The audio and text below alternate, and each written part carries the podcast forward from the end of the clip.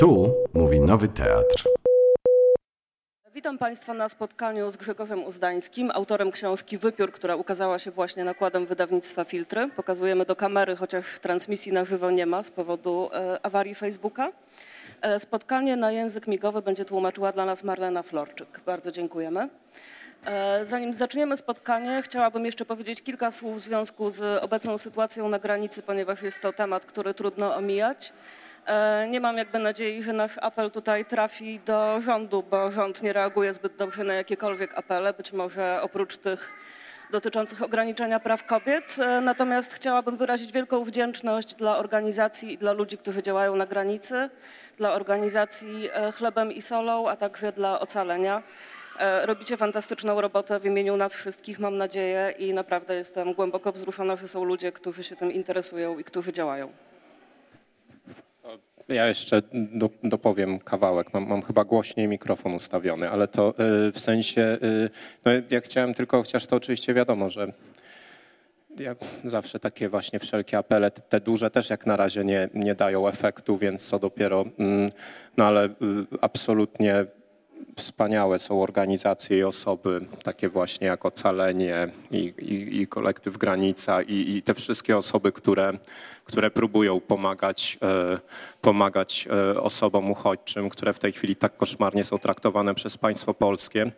Oczywiście też jest to postawione na głowie, bo w jakimkolwiek sensownym kraju to nie organizacje pozarządowe musiałyby pomagać, no ale no niestety w tej chwili nasz rząd raczej pełni rolę jakby siły, która wyrzuca uchodźców z powrotem do lasu, gdzie jak wiemy dosłownie grozi im śmierć, co też już się kilkakrotnie przydarzyło, więc no tak, więc sytuacja jest potworna i też ja od pewnego czasu mam takie oczywiście bezsensowne, że w ogóle aż głupio mówić o czymkolwiek innym, ale no my też ostatnio był ten piękny list y, y, takiej grupy y, Rodziny Bez Granic, które wiele osób, no i to jest bardzo naprawdę dziwne, że znaczy z jednej strony to jest bardzo łatwo wytłumaczalne, że rządzący są aż tak bardzo nieprzemakalni na to, ale z drugiej strony jest dziwne i straszne. No, no i tak.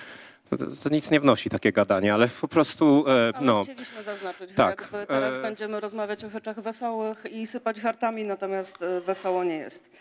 Dobrze, zanim przystąpimy do pytań, e, chciałabym, żeby Państwo, którzy jeszcze nie czytali książki albo nie mieli wcześniej kontaktu z twórczością autora, mieli okazję zapoznać się z fragmentem i właśnie Grzegorz teraz odczyta nam pierwszy z trzech wybranych na dzisiaj fragmentów wypiora.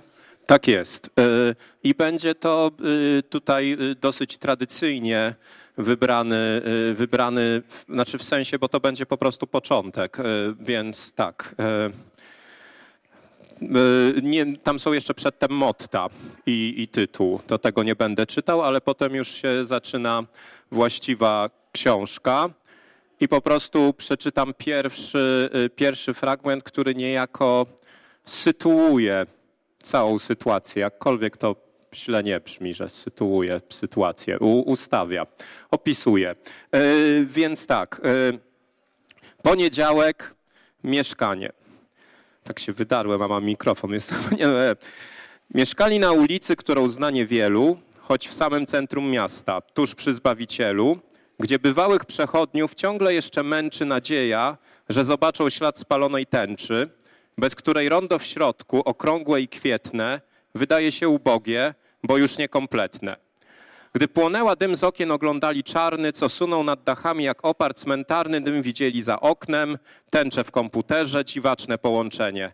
No kurwa nie wierzę, mówił Łukasz, nie wierzę, znowu to zrobili. Marta nic nie mówiła, nie chcąc w takiej chwili mądrzyć się, przecież było to do przewidzenia, bo zresztą jeśli nawet, co to w sumie zmienia? Tak samo jest mi smutno, tak samo się boję, więc w ekran i za okno patrzyli oboje i oglądali w myślach, każde po kolei, rzeczy, których nie znali ani znać nie chcieli, takie jak druga wojna i bombardowania. Tu koniec nawiasu. E, stryj, który się na starość przeniósł do Poznania, do nowej żony, Marcie wynajął mieszkanie, bo miał do niej, jak mówił, pełne zaufanie. Stryj, totalny czarnowic, wolał mniejsze zyski, zyski, wolał mniejsze zyski, jeżeli tylko w domu zamieszka ktoś bliski, bo bliski nie okradnie i zamków nie zmieni. Młodzi byli z początku nieco przytłoczeni drewnianą boazerią w nie najlepszym stanie i kolekcją dzieł, dzieł stryja wiszącą na ścianie w stylu bieda beksiński. Stryj niestety w darze zostawił bratanicy te wszystkie pejzaże, na których spod szubienic kosmici jak larwy pełzli, a wszystko miało krępujące barwy i tytuły w rodzaju typologia dali. Większość w szafie schowali, paru nie schowali. Do tego dochodziły pęknięte kafelki i pochowane w szafach żelazka, farelki, nocne lampki, kalosze, kilimy, klasery, zepsuty robot Bartek, narty, malaksery, wypchany orzeł przedni i dwa myszołowy, których stryj nie wyrzucał, bo nie był gotowy. Słowem, mniej albo bardziej nieprzydatne graty, ale takie mieszkanie za czynsz i opłaty, które ma dwa przestronne i jasne pokoje, a zatem idealne do życia we dwoje, do tego w samym centrum, to było marzenie. Marta i Łukasz, których przy normalnej cenie stać było na wynajem morze kawalerki, wybaczyli pejzaże, orła i farelki. Nie wiedzieli, na cichą przychodząc, przychodząc ulicę, że stryj chował w mieszkaniu pewną tajemnicę. No wiadomo, jako tajemnicę, bo to jakby o tym jest książka, no ale tak, e, super suspense. E, E, tak, wiemy jaka to jest tajemnica. Już tutaj powiedziałeś, że długo ona nie wytrzyma naszego ciekawego spojrzenia. E, w szafie mieszka Mickiewicz. tak.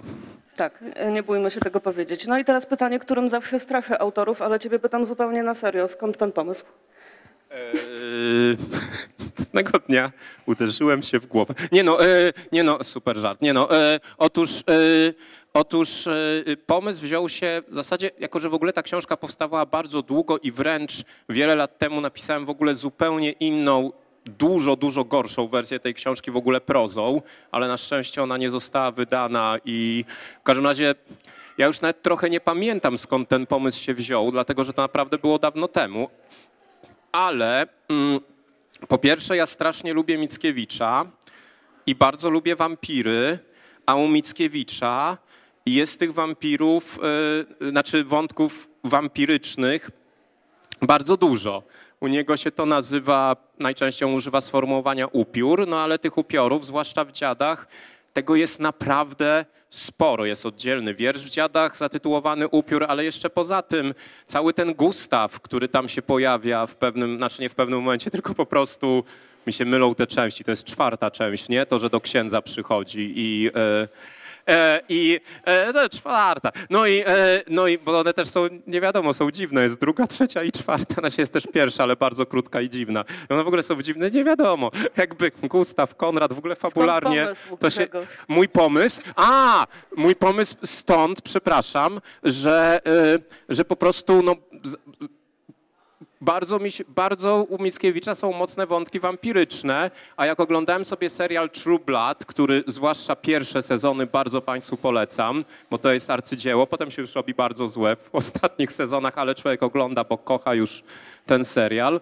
więc, y, więc tam w ogóle były takie patenty, że znane osoby, niektóre prawdziwe, były wampirem. Na przykład y, y, Pasteur, twórca szczepionek, bo to on wymyślił tę czystą krew w tym serialu, czyli to, co syntetyczną krew, którą wampiry mogą pić i nie zabijać ludzi, co jest punktem wyjścia do serialu, więc to wymyślił Pasteur, a wymyślił dlatego, że został wampirem, został ukąszony, więc troszeczkę w pewnym sensie to po prostu zgapiłem y, z czystej krwi.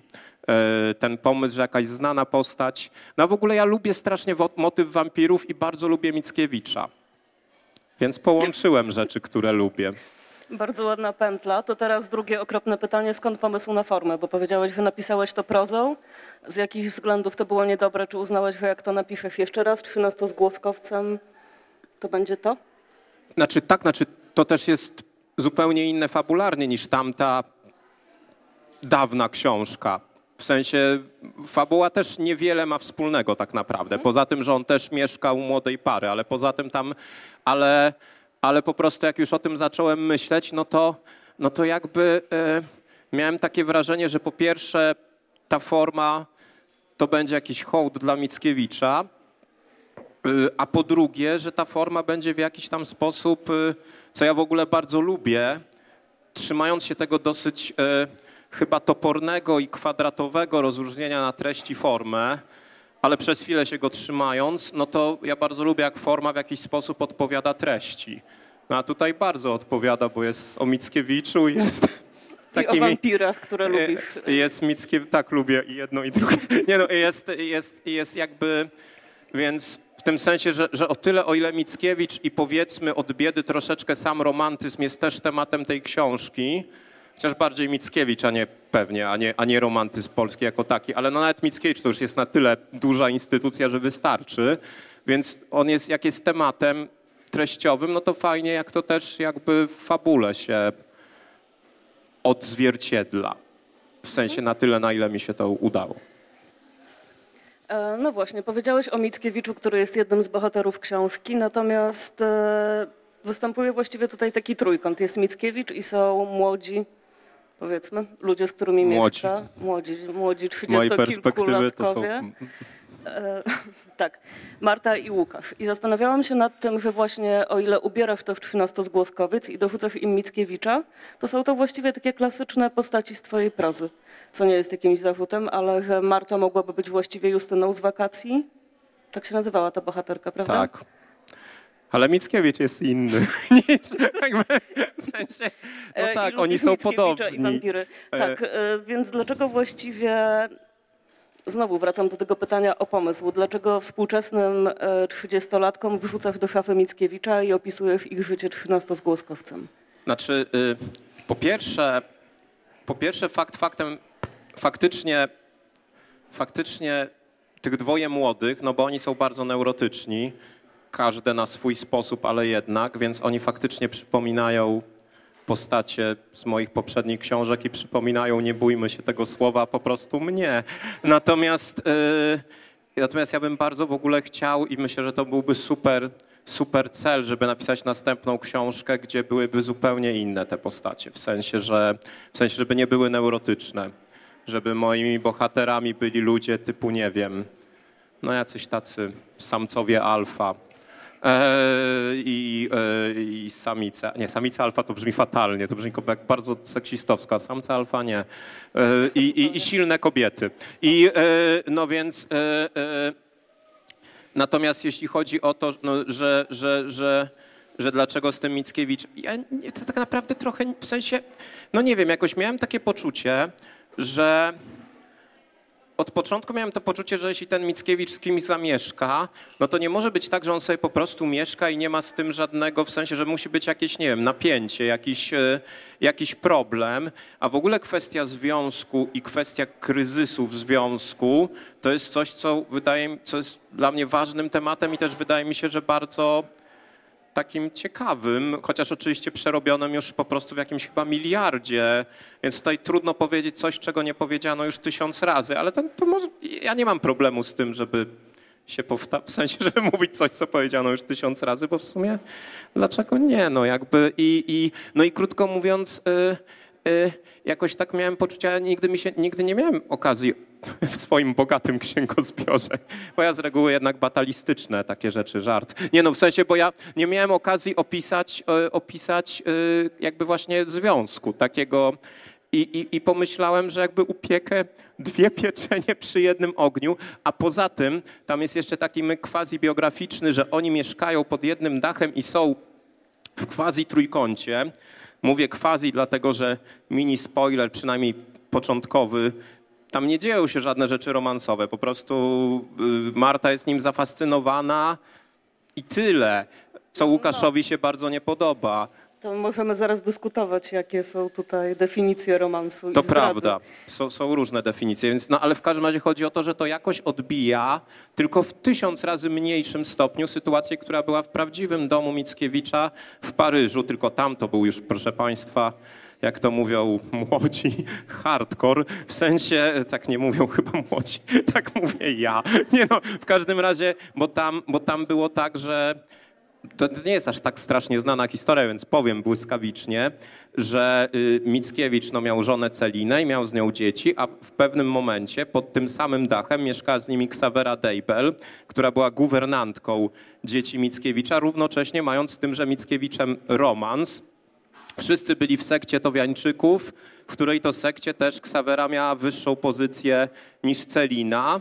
Prawdopodobnie też miała z Mickiewiczem dwójkę dzieci, chociaż ciężko powiedzieć, bo Władysław Mickiewicz niszczył wszelkie niewygodne świadectwa, więc mało nam zostało. Ale w każdym razie, tak czy owak, oni mieszkali, to musiały być naprawdę cudowne popołudnia, musiały być w domu Mickiewiczów, jak ta trójka sobie razem tam siedziała. Więc, więc w pewnym sensie też to trochę chodziło o to, że to nawet jest to niestety trochę tak patologicznie nazywane parę razy przez bohaterów w mojej książce, że oni nawet mówią, o Jezu, to zupełnie jak z Celiną. Bardzo, no tak. Bardzo niesforne ze strony bohaterów. E, dobrze, i właśnie chciałam Cię zapytać o to, bo wydawało mi się, kiedy zabierałam się do czytania tej książki, że to będzie o Mickiewiczu we współczesnym świecie, który właśnie stawia jakieś diagnozy, ogląda to zdumionymi oczami, natomiast widzimy Mickiewicza już bardzo dobrze wciągniętego we współczesność. Jest fanem piłki nożnej, posługuje się komputerem. E, i ku zdziwieniu właśnie Marty, największym, a trochę Łukasza, nie bardzo interesuje się już poezją i czymkolwiek związanym z poezją, z głoszeniem jakichkolwiek tez, z życiem społecznym, natomiast rzeczywiście cały czas przeżywa ten swój, trudno powiedzieć, nieudany związek, ale to, co wydarzyło się właśnie w jego życiu emocjonalnym. I tak. to mi się wydało bardzo ciekawe. No bo on, jakby, bo to są dwie rzeczy. Po pierwsze, mm, bo on jest w ogóle zmieniony. W sensie to, ten Mickiewicz, który jest, który jest u mnie w książce, on pod wieloma względami się różni od Mickiewicza historycznego, znaczy poza tym, że jest wampirem i żyje, ale jakby, ale jakby sobie wziąć Mickiewicza powiedzmy z końcówki życia, yy, przed tym jak zmarł w, Stan w Stambule, albo w mojej wersji w Stambule został przemieniony w nieumarłego, to, yy, no to on był inny niż ten Mickiewicz pod pewnymi względami, ten z książki i, i u mnie ma to dwa uzasadnienia. Po pierwsze takie, no, że on dosyć już długo żyje, ma 200 lat. To jeszcze jest w ogóle do zrobienia, bo w ogóle to jest pewien problem filmów o wampirach, na przykład True Blood i w ogóle całego mnóstwa dzieł o wampirach, że jeżeli na przykład tam są wampiry, które mają 2000 lat albo 1000 lat, to problem polega na tym, że no my po prostu nie wiemy, jak taka osoba, jakby jej psychika wyglądała, więc najczęściej oni psychicznie są strasznie tacy rozczarowujący, bo jest jakiś dwutysiącletni wampir i co, no on jest silniejszy i tam chodzi i mówi, wow, widziałem Jezusa, tam coś tam, ale on, ale on psychicznie jest taki sam jak my. No i to jest dosyć yy, w zasadzie, no bo jest to słynne opowiadanie, znaczy słynne, w małych kręgach jakichś humanistycznych nerdów, czyli nie, niesłynne, opowiadanie Borgesa Nieśmiertelny, gdzie, gdzie tam jest, że ten koleś, który jest nieśmiertelny, to on już faktycznie na wszystko zobojętniał. No i generalnie mam takie poczucie, że no z tymi 200 latami to jest jeszcze od biedy można, bo to jest troszkę, to nie jest aż tak gigantyczna różnica. No ale właśnie mam takie poczucie, że po pierwsze przez wiek, a po drugie przez to, że został wampirem. Jakby w mojej koncepcji wampiryzmu, lol, w tej książce jest tak, że, y, że to ukąszenie wampira sprawia, że też człowiek się zmienia i na przykład, no bo Mickiewicz w końcówce życia, zresztą nie tylko w końcówce, był niezwykle zażarty politycznie. On był naprawdę ideowcem i naprawdę bardzo działał. No i jedna z rzeczy, która się z nim zmieniła na skutek ukąszenia, to jest to, że to mu zupełnie jakby wygasło i on jest, on w ogóle przypomina trochę osobę taką powiedzmy quasi depresyjną, on tak sobie wegetuje i e, no i tak, a jeżeli w ogóle chodzi o kwestię wierszy, no to to jest też taki fakt z życia Mickiewicza, że on od pewnego momentu miał olbrzymi kryzys twórczy i już bardzo niewiele pisał. I ostatnie lata jego życia to w ogóle naprawdę mało tych wierszy powstało. I to był dla niego też duży problem i też ci jego współcześni, którzy tam na niego patrzyli jako na tego wybitnego poetę, też jakby kiedy będzie jakaś kolejna duża rzecz, nie było. Psiak. No i, i, i, i, i, i, i, no i miałem takie poczucie, że że z kolei to wampiryczne ukąszenie to ono doprowadziło tę przemianę do cna, bo jednym z jego efektów, poza efektami znanymi e, z kultury, czyli że nie może wyłazić na słońce, jest też to, że całkowicie stracił talent poetycki. W sensie już nie umie. Ukąsił go słowacki, powtarzam żart Alicji. E, e, no, jak się powtórzy, to zawsze gorzej. To brzmi. E, ale e, zresztą w pierwotnej wersji, w tej starej książce bardzo niedobrej było, jak on chyba niszczy pomnik Słowackiego. To było tak złe. W sensie ten na, ten na placu bankowym to wy przewraca. Bardzo złe. No więc, e, więc tak. E, Dobrze, zasłuchałam się w to, co mówisz. Ja w ogóle przepraszam, że tak długo gadam, bo to bo Ale teraz to spróbuję krócej. Więc, e, nie, teraz właśnie przeczytaj nam drugi fragment. A, proszę Państwa. mm. Doskonale się składa. W ogóle chciałem powiedzieć, bo ja myślałem, że tak płynnie do tego przejdziemy, ale bo widzą Państwo, że to jest przepięknie wydana książka. O, proszę bardzo, jest piękna okładka, jeszcze z taką wyklejanką. Bardzo, bardzo to jest piękne. No i jest tu na sali Marta Konarzewska, która jest autorką. Ogromne brawa! Eee, jest autorką książki, jest ghostwriterką. Ja zbieram. Ja jestem po prostu bardzo wygadany, więc ja występuję na spotkaniach i e, nie czytałem tej książki, więc nie. nie super, przeczytaj bardzo śmieszne żarty. właśnie Tak, teraz, teraz tak. przeczytam fragment. E, już czytam Państwu. E,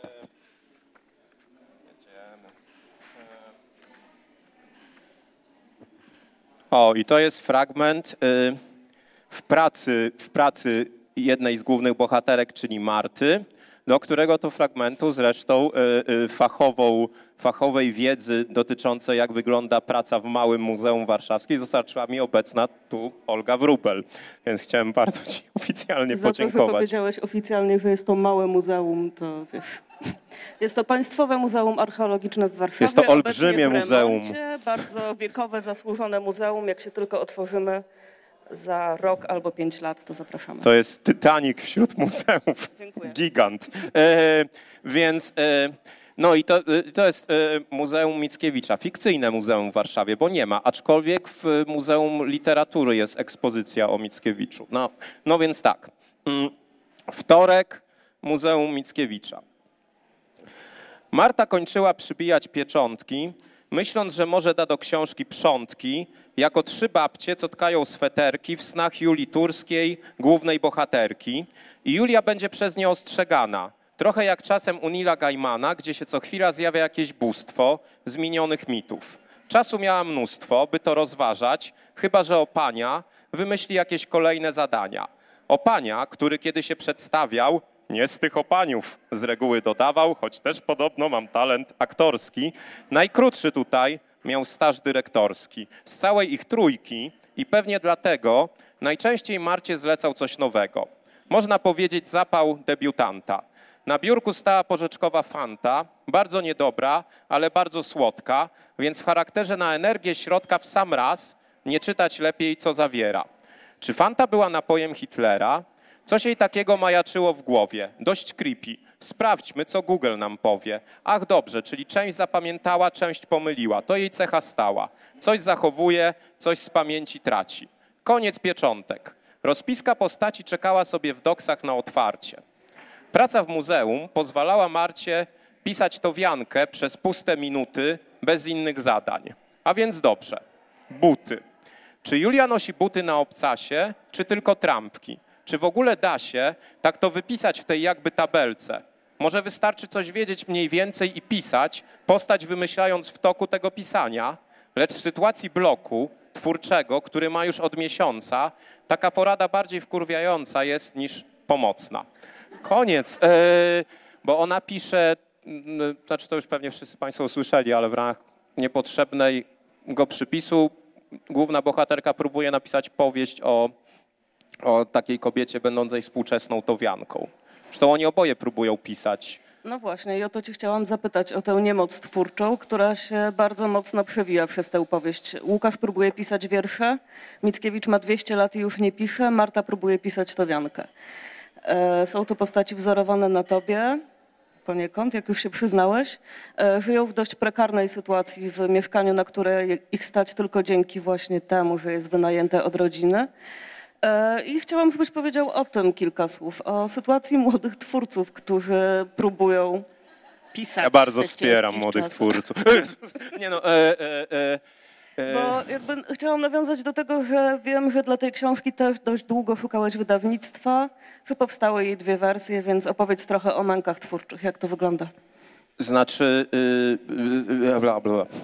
Y, To, to, to jest bardzo wielowątkowy temat. Y, y, no, mm, Dobrze, to jest- zacznijmy od twoich postaci, bo one bardzo pragną tworzyć, natomiast z różnych względów nie mogą i dlatego też ten Mickiewicz jest dla nich takim jednocześnie wyrzutem sumienia. Łukasz ma kompleks Mickiewicza, Marta go podziwia, natomiast w żaden sposób nie może go zmusić do jakiejkolwiek literackiej aktywności. No tak, znaczy w sensie to, co teraz powiem, będzie niestety, no Jezu, to jest, w sensie, że to będzie takie napuszone i prze, ale już jakby, no dobra, no siedzi człowiek na kanapie, to raz można. W sensie, że tego Mickiewicza w pewnym sensie, chociaż absolutnie nie taka była, w sensie nie wymyślałem tego w ten sposób, to po prostu tak trochę wyszło. Bo to jakby to się dzieje, mam wrażenie, przynajmniej u mnie w taki sposób trochę taki, że to, to jest mało wszystko świadome na początku, ale no w pewien sposób można go potraktować jako taką taką metaforę no, tej takiej potężnej tradycji tych, którym się udało, która jakby wisi nad każdą osobą, która chce pisać, że jakby, że no mamy młodą osobę, która by chciała pisać i chciałaby, żeby to było dobre, a oczywiście nie wie i chciałaby mieć potwierdzenie od świata, a tego potwierdzenia na razie nie ma, no a, a gdzieś tam w tle bardzo wyraźnym są właśnie te wszystkie szeroko rozumiane Mickiewicze, czyli, czyli jakby no, nie, bo już to najgorzej, już chciałem, do, no, w sensie no jest, ta, jest ta koncepcja tego Haralda Bluma, do której zresztą odwołuje się Justyna Jaworska w posłowiu do tej książki, przepraszam Państwa, że tak się mądrze, ale ona mówi o tym, że są ci wielcy poprzednicy, z którymi jak piszemy, no to w pewien sposób musimy no bo jakoś tam z nich czerpiemy i chodzi o to, że jednak nie możemy czerpać tak, żeby być wtórnymi, bo jak będziemy wtórnymi, no to nie jesteśmy twórcami, tylko właśnie jakimiś wtórnymi ziutkami, więc trzeba sobie z tymi poprzednikami poradzić, i to a równocześnie bez tych poprzedników by nas nie było. No i to jest taka bardzo mocna sytuacja, która w pewien sposób, myślę, dotyka prawie każdą osobę piszącą. A tutaj ta sytuacja jakby zyskuje takie kuriozalne ucieleśnienie w tym sensie, że no raczej rzadko się zdarza, żeby wielki poprzednik siedział w twojej szafie i jakby idziesz do kuchni, on tam siedzi z laptopem. I, I akurat to, że Mickiewicz też już nie pisze i ma kryzys twórczy, no to takiego Łukasza nie pocieszy, bo jakby, bo Mickiewicz teraz sobie może już nie pisać. No on napisał Pana Tadeusza Dziady, jest ogólnie uznany za największego polskiego poetę. Więc z punktu widzenia takiego... e, no to tak jakby młody reżyser zamieszkał, nie wiem, z Felinim, który jest wampirem, albo Andrzejem Wajtą. Jakby, no i tak jakoś ciężko, no. Ja tutaj, no w sensie, że, że y, więc, więc faktycznie, no a ta kwestia niemocy twórczej jest w ogóle bardzo ciekawa. Znaczy taka, że, że chce się pisać i nie wychodzi. Ona też inaczej wygląda, kiedy, na, w sensie, ina, bo u nich jest jeszcze tak, że oni no nie bardzo są wydawani, więc oni jeszcze mogą mieć, bo załóżmy, je- chociaż pewnie każdy może, myślę, że nawet po wydaniu 10 książek można mieć tego typu wątpliwości, ale na pewno przed wydaniem żadnej jeszcze mocniej, czyli takiej, czy ja się w ogóle, może jednak nie jestem w tym dobry, dobra, w sensie, yy, może skoro kolejne wydawnictwa odrzucają moje teksty, no to może mają jakiś powód, na przykład to jest słabe i może po prostu, po co ja w ogóle, no oczywiście są do tego ambicje i być może jakaś taka bardzo wyraźna fantazja, że, że się jakoś tą swoją tożsamość, tą artystyczną karierą jakoś... Więc to jest bardzo ciężka sytuacja. Oczywiście ciężka, no wiadomo, są... Nie, wiem, bo się, to jest jakieś chaotyczne i bardzo długie, y, więc może... y, y, Dobrze, to wróćmy właśnie do tej części pytania, w której e, pojawiały się twoje problemy z wydaniem Mickiewicza jako wampira. Ten pomysł jakoś chyba na początku nie zaskoczył w wydawnictwach. No, znaczy, bo było takie też, yy, oczywiście nie, w sensie, już mówię, bo, bo to, że ta pierwsza wersja, ta książka, którą napisałem dawno temu nie została wydana, to w ogóle naprawdę się cieszę, bo gdyby ona została wydana, no to by była jakaś taka, wydaje mi się, że ona była bardzo, bardzo, bardzo, bardzo, bardzo, bardzo, bardzo średnia. Więc jakby to jest bardzo, bardzo, bardzo, Jezu, bardzo y, dokładnie dobrałem liczbę bardzo. Y, może się to Państwu wydawać przypadkowe, ale to jest y, prze, przećwiczone, przeliczone. No i nie no, chodzi o to, że natomiast jeśli chodzi o tę drugą książkę, no to faktycznie słyszałem w niektórych wydawnictwach takie głosy, że to jest po prostu za dziwne. W sensie, że, no, że jak coś jest napisane 13-zgłoskowcem, 11-zgłoskowcem i jest powieścią, to to jest trochę nie wiadomo co. No i tak, no i zresztą w ogóle no, jeśli chodzi o młodych twórców, no to no wiadomo, w Polsce różnie jest z tym i często oni mają ciężko i ciężko finansowo i no wiadomo, ale to też, No właśnie, no bo opisujesz tę ciężką sytuację finansową Marty Łukasza, także Mickiewicza, który musi pracować jako parkingowy, żeby dorzucać się do rachunków. I teraz, kiedy rozmawiamy w cyklu Empiku z kolei e, o, z młodymi twórcami, twórczyniami, o tym, czego by potrzebowali do stabilnego debiutu, o tym, żeby właśnie pozwolić sobie na tworzenie książek, które nie są sztampowe, nie są kolejnymi hitami podpisanymi pod gust publiczności, E, Bardzo często pojawia się kwestia nagród literackich i stypendiów. E, I chciałam zapytać, jak ty to widzisz? Bo coraz częściej pojawiają się bardzo głosy, chciał. Nie, no, e, nagrody literackie, które się niesamowicie rozmnożyły i teraz właściwie każde miasto i każda organizacja przyznaje swoją nagrodę, są w pewnym stopniu demotywujące. Jakie? Demotywujące. A dla, możesz rozwinąć, bo ja chyba... E, tak, mówił o tym na przykład Łukasz Zawada, kolejny autor filtrów, to akurat e, zupełnie przypadkiem wspominam, e, że nagrody ustawiają... Książka Wydatki, polecamy. wydatki, e, że nagrody literackie ustawiają twórców i twórczynie w jakimś nie do końca istniejącym wyścigu. Czyja książka jest lepsza w sytuacji, kiedy ze sobą konkurują, chociaż właściwie tego nie chcą. I ta konkurencja jest tak naprawdę nakręcana przez rynek i przez to, żeby te książki gdzieś się znalazły, z czego jedna ostatecznie finałowo z plakietką książka roku. No tak, to, to jest straszne. W sensie, znaczy, bo też jest tak, ja pamiętam jak, e, pamiętam jak z hmm, Józefem Konradem, nie no, e, ja pamiętam jak, e, jak ileś już lat temu Kaja Malanowska, pisarka, autorka trzech powieści i zbioru opowiadań i w ogóle jedna jej powieść, Patrz na mnie Klaro, była, jeśli już mowa o nagrodach, nominowana do nagrody Nike.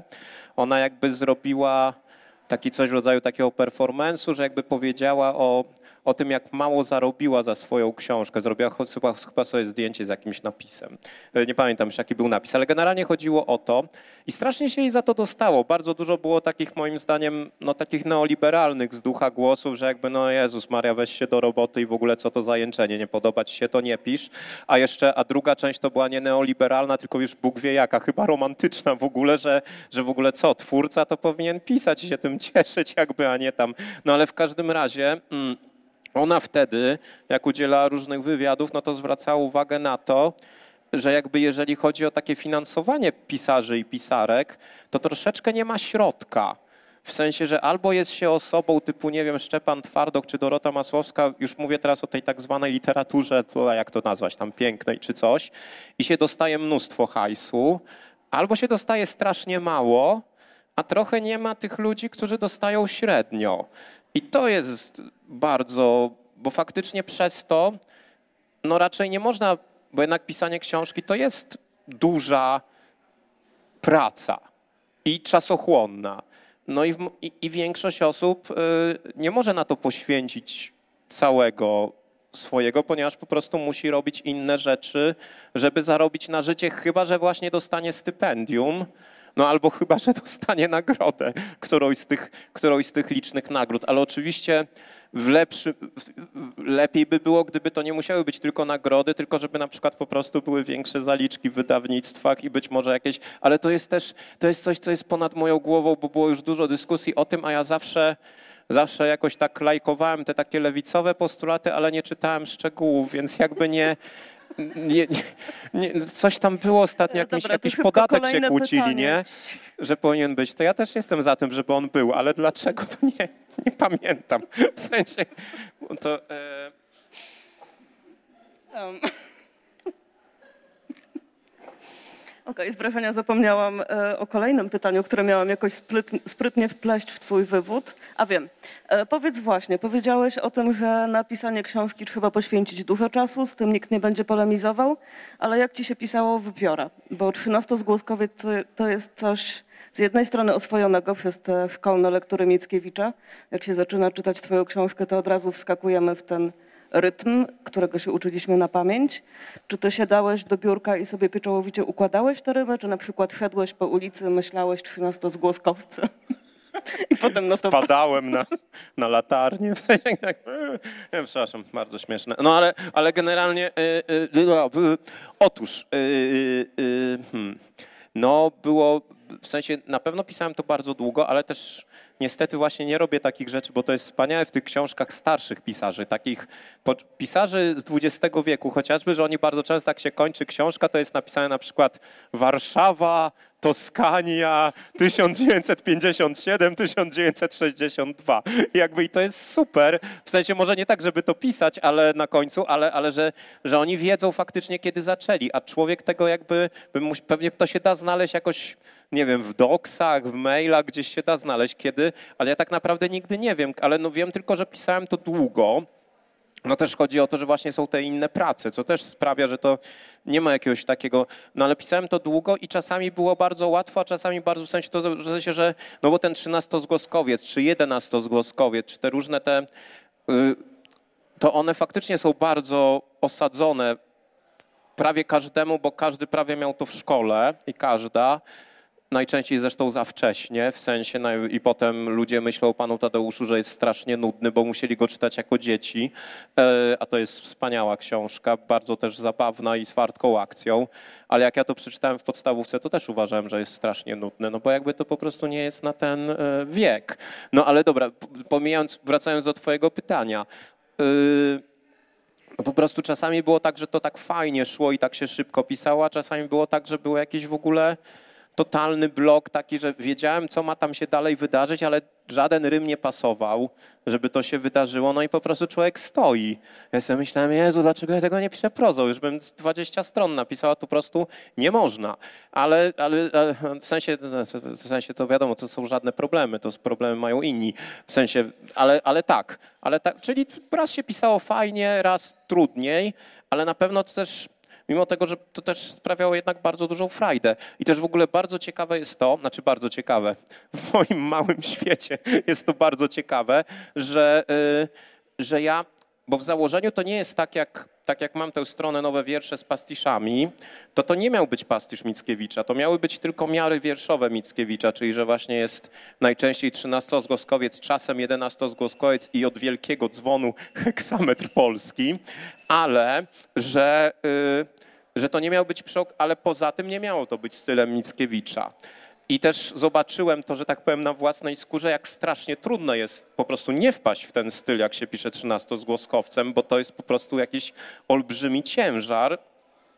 I tu są takie fragmenty w tej książce, gdzie nagle się jednak robi pastisz Mickiewicza.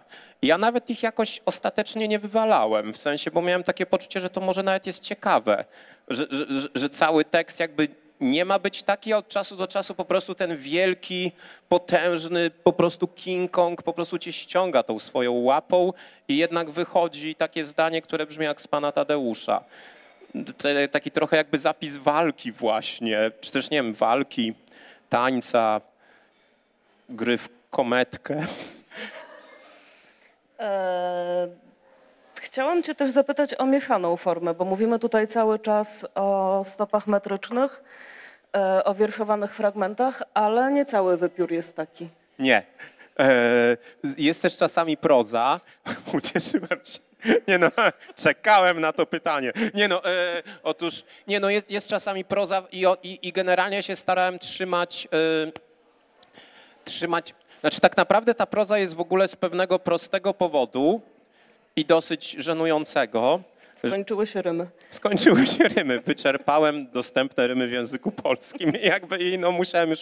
Nie no, y, po prostu w tej starej książce, która naprawdę była bardzo nieudana, ale tam jedyne w zasadzie fragmenty, które mi się po latach podobały, to były ze cztery fragmenty listów Mickiewicza, które były stylizowane na listy Mickiewicza prawdziwe i jeden taki fragment takiego dziennika pokładowego, takiego kapitana, który opisuje, jak trumna z ciałem Mickiewicza płynęła ze Stambułu do Francji. No i oczywiście ma to swój wampiryczny twist i mi się strasznie te fragmenty podobały. E, bardzo mi się podobają moje liczne. No i, no i, no i ta, na tyle mi się podobały, że sobie myślę, że Jezu, strasznie szkoda ich nie wsadzać, więc trochę na siłę znalazłem dla tego uzasadnienie i uzasadnienie na szczęście się trzyma, że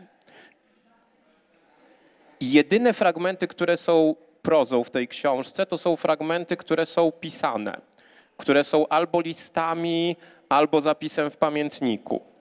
Yy, wszystko inne jest rymowane. Jest jedno niestety złamanie tego, mianowicie jak na czacie ze sobą gadają, yy, gadają ze sobą Marta i Łukasz, no to to jest wierszowane, więc to trochę łamie tę zasadę, ale powiedzmy, że czat to jest trochę taka żywa rozmowa, dialogi są zapisywane rymami. No i tak, no i to ja też mam wrażenie, że to jest spoko, że czasem jest ta proza, bo to może też odrobinę daje jakiś oddech osobie czytającej, że tak jakby już w sensie no, mi się to, no i bardzo lubię ten fragment. Jestem po prostu, dzisiaj sobie go czytałem jadąc metrem, czytałem ten fragment tego dziennika pokładowego i po prostu bardzo go lubię. Jest dosyć taki głupawy i zabawny i, i horrorowy. Ja miałam inną teorię, ale w takim razie gdzie się sobie opiszę i wtedy przeczytasz. E, twoja brzmi przekonująco. E, poprosimy to jest o trzeci... prawdziwa. Nie, no, i... Nie, bo zastanawiałam się właśnie, czy ta mieszanina formuł jest oddaniem jakiejś no trochę właśnie romantycznej tradycji takich mieszanych dokumentów, coś co robi też e, Bartosz Sadulski w Rzeszocie, który tam leży. Tak. Tak. Trzeci fragment. już. To będzie fragment, w którym już występuje Mickiewicz. I akurat znowu będzie, no, bo było 13 zgłoskojec i 11 zgłoskojec, a tu będzie 13. I akurat we wszystkich trzech we wszystkich trzech fragmentach, które Państwu przeczytałem, nie ma dialogów, ale w tej książce są dialogi, nawet jest ich sporo. Tak tylko chciałem uspokoić, gdyby ktoś na przykład poczuł, że nie ma dialogów i że nie kupuje. E, jest, jest, jest bardzo dużo dialogów, tylko akurat nie w tych fragmentach. E, więc tak. I zawsze mi się wybrałem dziwnie, nie wiem dlaczego wybrałem fragmenty, które zawsze są na początku danego dnia, no bo to niezwykle oryginalnie podzieliłem tekst na kolejne dni tygodnia. I e, tak. Niedziela. Pole Mokotowskie. Adam siedział na ławce, patrząc w drzew korony, które miały już kolor wieczorno-zielony, od latarni jak zwykle zapalonych w nocy. Ich światło, choć słonecznej pozbawione mocy, jakąś jednak zieloność z mroku wydobywa, która od dziennej słabsza, senna, ale żywa, pół ma w sobie ciemności, drugie pół zieleni. Do tego zapach liści i rozgrzanej ziemi i kwiatów, które w nocy zdwajają wysiłki. Marta w domu wciąż kicha, narzeka na pyłki. Wampir, na wszystkie ludzkie alergie odporny, beztrosko wdychał zapach, kwietny i wieczorny. Ciężko uwierzyć w środku zimy czy jesieni, że świat, gdy wróci wiosna, aż tak się odmieni. Czy to pigoń, do myśli takich zawsze skory, Rzekł mu kiedyś, że bujne wiosenne wieczory najlepiej obrazują zamierzenia boskie.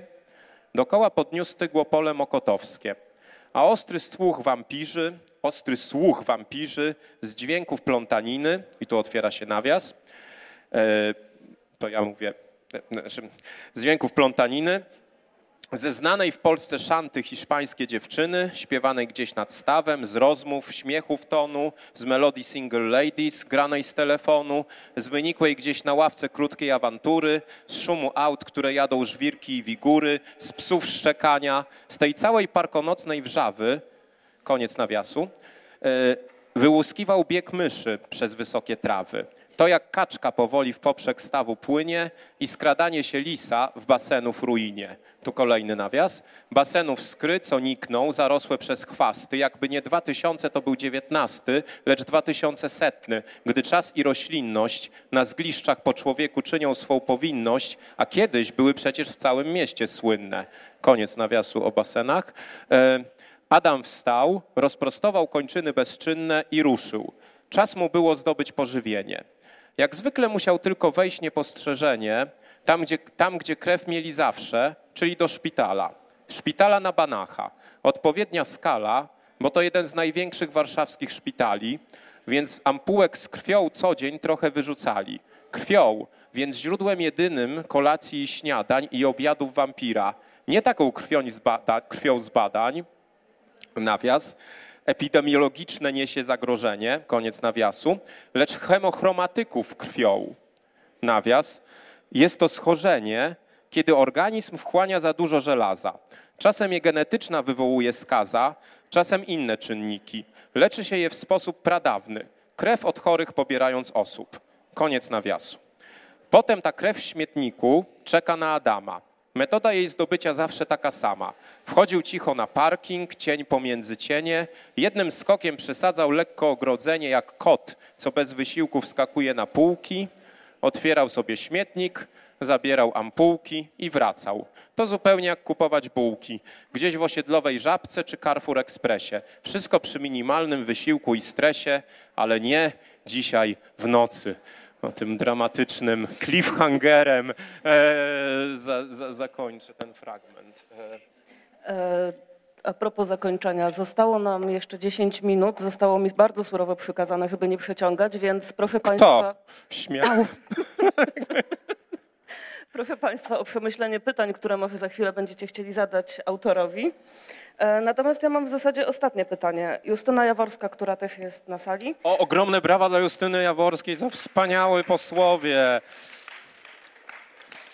Napisała we wspaniałym posłowiu, że właściwie trochę wampiryczny jesteś ty sam. Jesteś brzuchomówcą, który korzysta.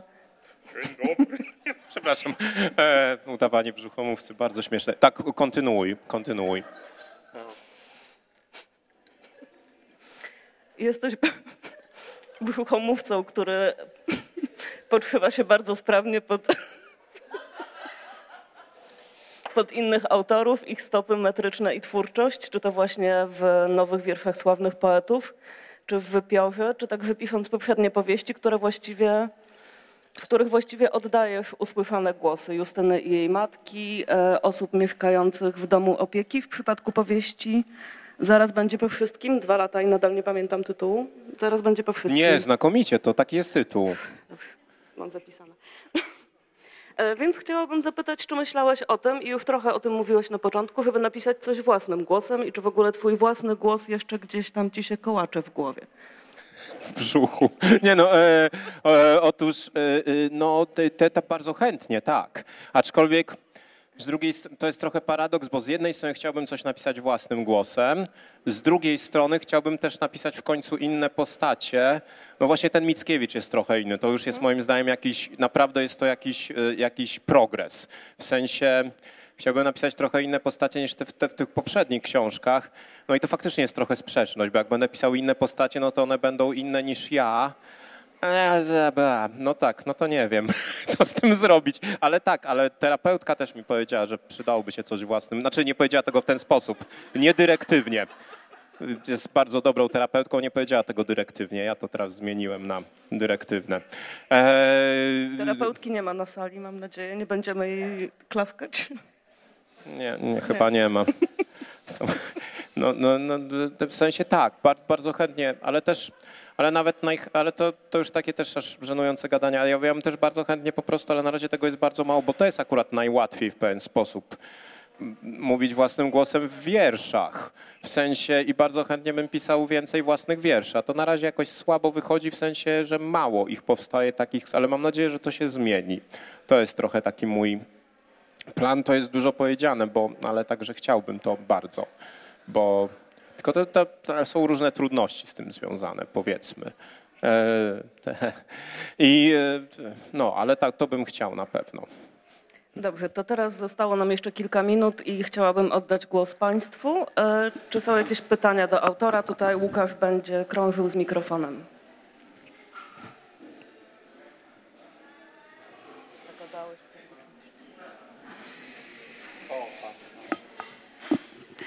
Ja tylko tak chciałam zapytać, e, bo wydawało mi się, że ten trzynastogłoskowiec był punktem wyjścia. W sensie, że on jest tak ważny w tej książce, że wszystko zaczęło się od niego, w sensie, że wszystko zaczęło się od formy, a ty mówisz, że absolutnie nie.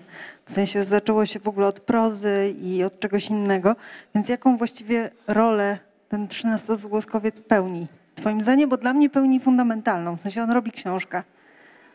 Znaczy, y, znaczy, bo, znaczy, bo, bo, znaczy bardzo dziękuję w ogóle za to pytanie i też za to zdanie, bo bardzo się cieszę, że tak to odbierasz, bo, bo, jakby, ja, w sensie, no bo to tak było tak jakby chronologicznie, w sensie jak to, w sensie jak to jakby powstawało, ale, ale tak naprawdę myślę, że to jest akurat mniej ważne, że to tak w sensie, że dla mnie ten 13 głoskowiec też był strasznie ważny. Nawet nie umiem do końca powiedzieć dlaczego, w sensie jakby, ale no wiadomo, no można właśnie mówić o tej odpowiedniości formy i treści i w ogóle i, i, i, i Bloom i się powtarzać, co właśnie robię, ale już nie będę. I e, natomiast e, no po prostu ja miałem wrażenie, że to jest mega, mega, mega, mega ważne. Super odpowiedź, bardzo konkretna, ale jakby, ale y, że zresztą no w ogóle no to jest tak, że no wiadomo, że to jest proza o tyle, że to jest powieść, ale jednak ma też sobie coś z poezji przez to, jak jest napisana. No i zresztą w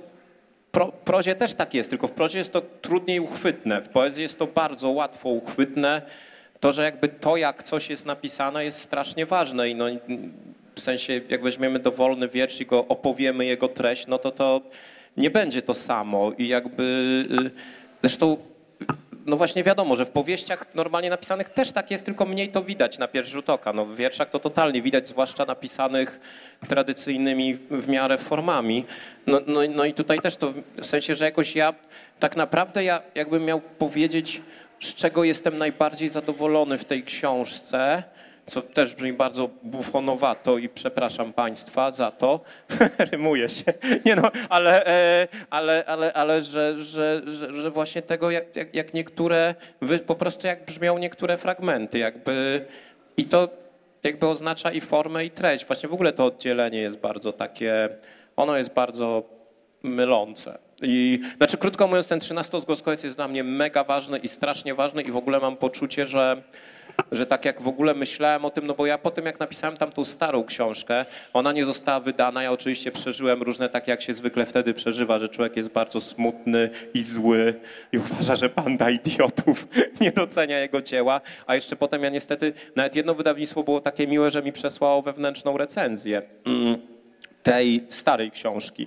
I w zasadzie ja się z nią musiałem zgodzić. No i była też grupa Żeberko, taka super grupa prowadzona przez Zbigniewa Zawadzkiego, gdzie czytaliśmy swoje rzeczy, oni też mieli różne uwagi i to tak coraz, no ale krótko mówiąc, ja potem to odłożyłem ten, gdzieś tam ten pomysł na parę lat i dopiero jak właśnie wymyśliłem, żeby to tym trzynastozgłoskowcem, to dopiero wtedy to w ogóle nabrało jakiegokolwiek powera i w ogóle wszystkiego. W sensie mam wrażenie, że to była dla mnie osobiście zupełnie kluczowa decyzja, więc w tym sensie on był pierwszy, nie tak, no, jakby tak.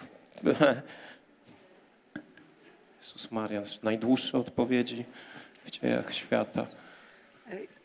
Jeśli można, e, to, to pytanie o to, kiedy napiszesz własnym głosem, to mi się wydaje takie dziwne, bo y, czytałam twoje te dwie powieści i znam wiersze i uważam, że cały zawsze piszesz własnym głosem, tylko forma jest taka, która może komuś coś przypominać.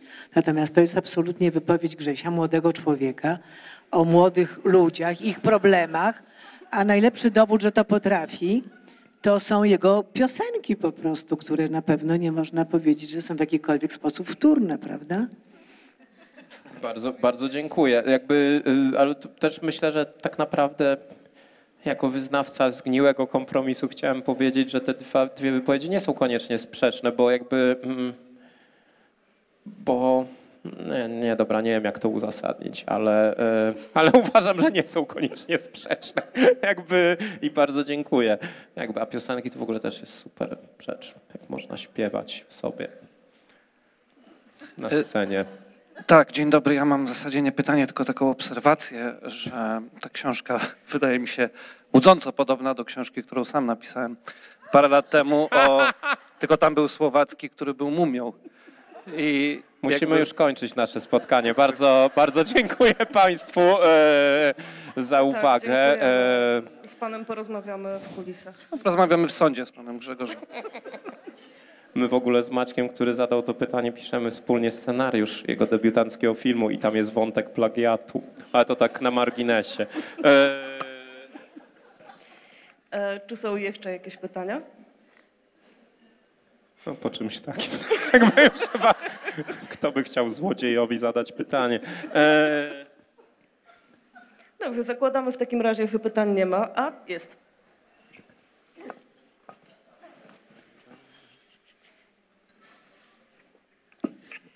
Ja może nie chciałam zadać też pytanie tak jak pan, ale chciałam powiedzieć, że się bardzo cieszę, że ja pana poznałam. E, Spotkałam pana po raz pierwszy w tym roku w Szczebrzeszynie. Justyna Sobolewska pana doceniła. To było niezwykłe spotkanie, e, to co żeśmy usłyszeli w Szczebrzeszynie. Także docenienie pana twórczości jest, e, uważam, że wielkie, bo pojawić się na festiwalu w Szczebrzeszynie wśród takich znakomitych autorów, to dla młodego e, pisarza to jest chyba coś, duże wyróżnienie. Ale podoba mi się to, że pan e, podchodzi do tej twórczości z taką radością, e, że rzeczywiście to nie jest dla pana tylko praca, ale to jest e, to jest szczęście, to jakaś zabawa. I, I jak niektórzy mówią, że to jest trud, że to się pisze w znoju, to ja widzę, że, że Pan się po prostu tym bawi. To jest po prostu takie cudne, bo dla wielu ludzi, dla współczesnych, no nie mówię o tych, którzy książki czytają, tylko dla y, takiego y, no, y, po prostu Kowalskiego, czytanie książek to jest jakaś męka straszna. A, a dla Pana y, pisanie książek, a my odbiór tych Pana książek, to jest po prostu naprawdę wielka frajda, wielka przyjemność. I jak ja widzę, jak Pan się tym bawi, jak tutaj wszyscy Państwo się cieszą, śmieją, no po prostu literatura jest po prostu czymś tak cudnym, że, że ja przyjechałam tu 100 kilometrów specjalnie dzisiaj, żeby być tak. Jezu, dziękujemy bardzo. No, Znaczy ja dziękuję. No ja, jak żeśmy rozmawiali w Szczebrzeszynie, nie wiem, czy pan pamięta, bo pożyczył mi pan czerwony parasol, Tak żeby mnie ochronić przed słońcem. Także bardzo dziękuję. Ja tu chcę Państwu powiedzieć, że już wtedy pomyślałam, że pan Grzegorz Uzdański będzie gościem w Muzeum Romantyzmu, w miejscu, gdzie prawda, nasz trzeci wieszcz y, miał swoją, no powiedzmy, y, pałacyk myśliwski. Y, Będzie pan gościem. Także już się oficjalnie Bardzo- zapraszam. bardzo dziękuję. Ja się bardzo, Bardzo cieszę z tego spotkania. Aha, i chcę jeszcze powiedzieć, no miałam wczoraj przyjemność być na wręczaniu nagrody Nike i rzeczywiście tak jak panowie, prawda, z TVN24, mm, bo 22, Boże, wyleciało mi, jak się nazywa? Szło kontaktowe, To, tak. przepraszam. Jak oni właśnie w taki fajny, prześmieszczy sposób mówili, ja rzeczywiście uważam, że, że za dużo, może nie za dużo, ale potrzeba też trochę w literaturze zabawy, a nie tego, e, tej, tej martyrologii, tego ciągłego narzekania i tego troszeczkę radości w literaturze. Także życzę w przyszłym roku nominacji do Nagrody Nike. Dziękuję bardzo, dziękuję bardzo. Dziękuję. To bardzo miłe. Dziękuję. Ja bardzo chciałbym być nominowany, a to będą straszne nerwy. Ja już raz byłem nominowany, nerwy były potworne, a jak następnego ranka spotkam... Nie, gdzie do Nikę? To do Nikę byłem. E, dostałem ją e, za książkę Piesek przydrożny. E, nazywam się Czesław Miłosz. Nie no, e, nie no, w sensie, że byłem nominowany do e, nagrody Konrada. I pamiętam, jak następnego dnia się spotkaliśmy na śniadaniu w hotelu. Była tam Anna Cieplak, która dostała tę nagrodę, no i takie smutne, bardzo grono pisarek i pisarzy, którzy nie dostali. To, Jezus Maria, to, było, to, jest, to jest naprawdę straszne. W sensie jest coś takiego, wiadomo, że można się z tego śmiać i też wiadomo, że też nie ma co robić z tego wielkiej tragedii, bo jak o wielkich tragediach to mówiliśmy na początku spotkania, natomiast faktycznie no, jest coś takiego w tej rywalizacyjności i tym, że się potem czeka na te, aż ta jedna osoba wygra, no e, dosyć straszne. Tak, e, ale oczywiście każdy by chciał mieć jednak tę nominację i mieć te nerwy, mimo wszystko, no bo wiadomo. e, Ambicja, chciwość, jakby te, te dwie. Dobrze, to tutaj wyraziłaś już swoje głębokie marzenie o nominacji Bardzo pani dziękuję i to wspaniałe, że pani i dziękuję. E, Tak. E, Bardzo Państwu dziękujemy za udział w spotkaniu. Dziękujemy Marlenie Florczyk za tłumaczenie. Grzegorz Uzdański, wypiór.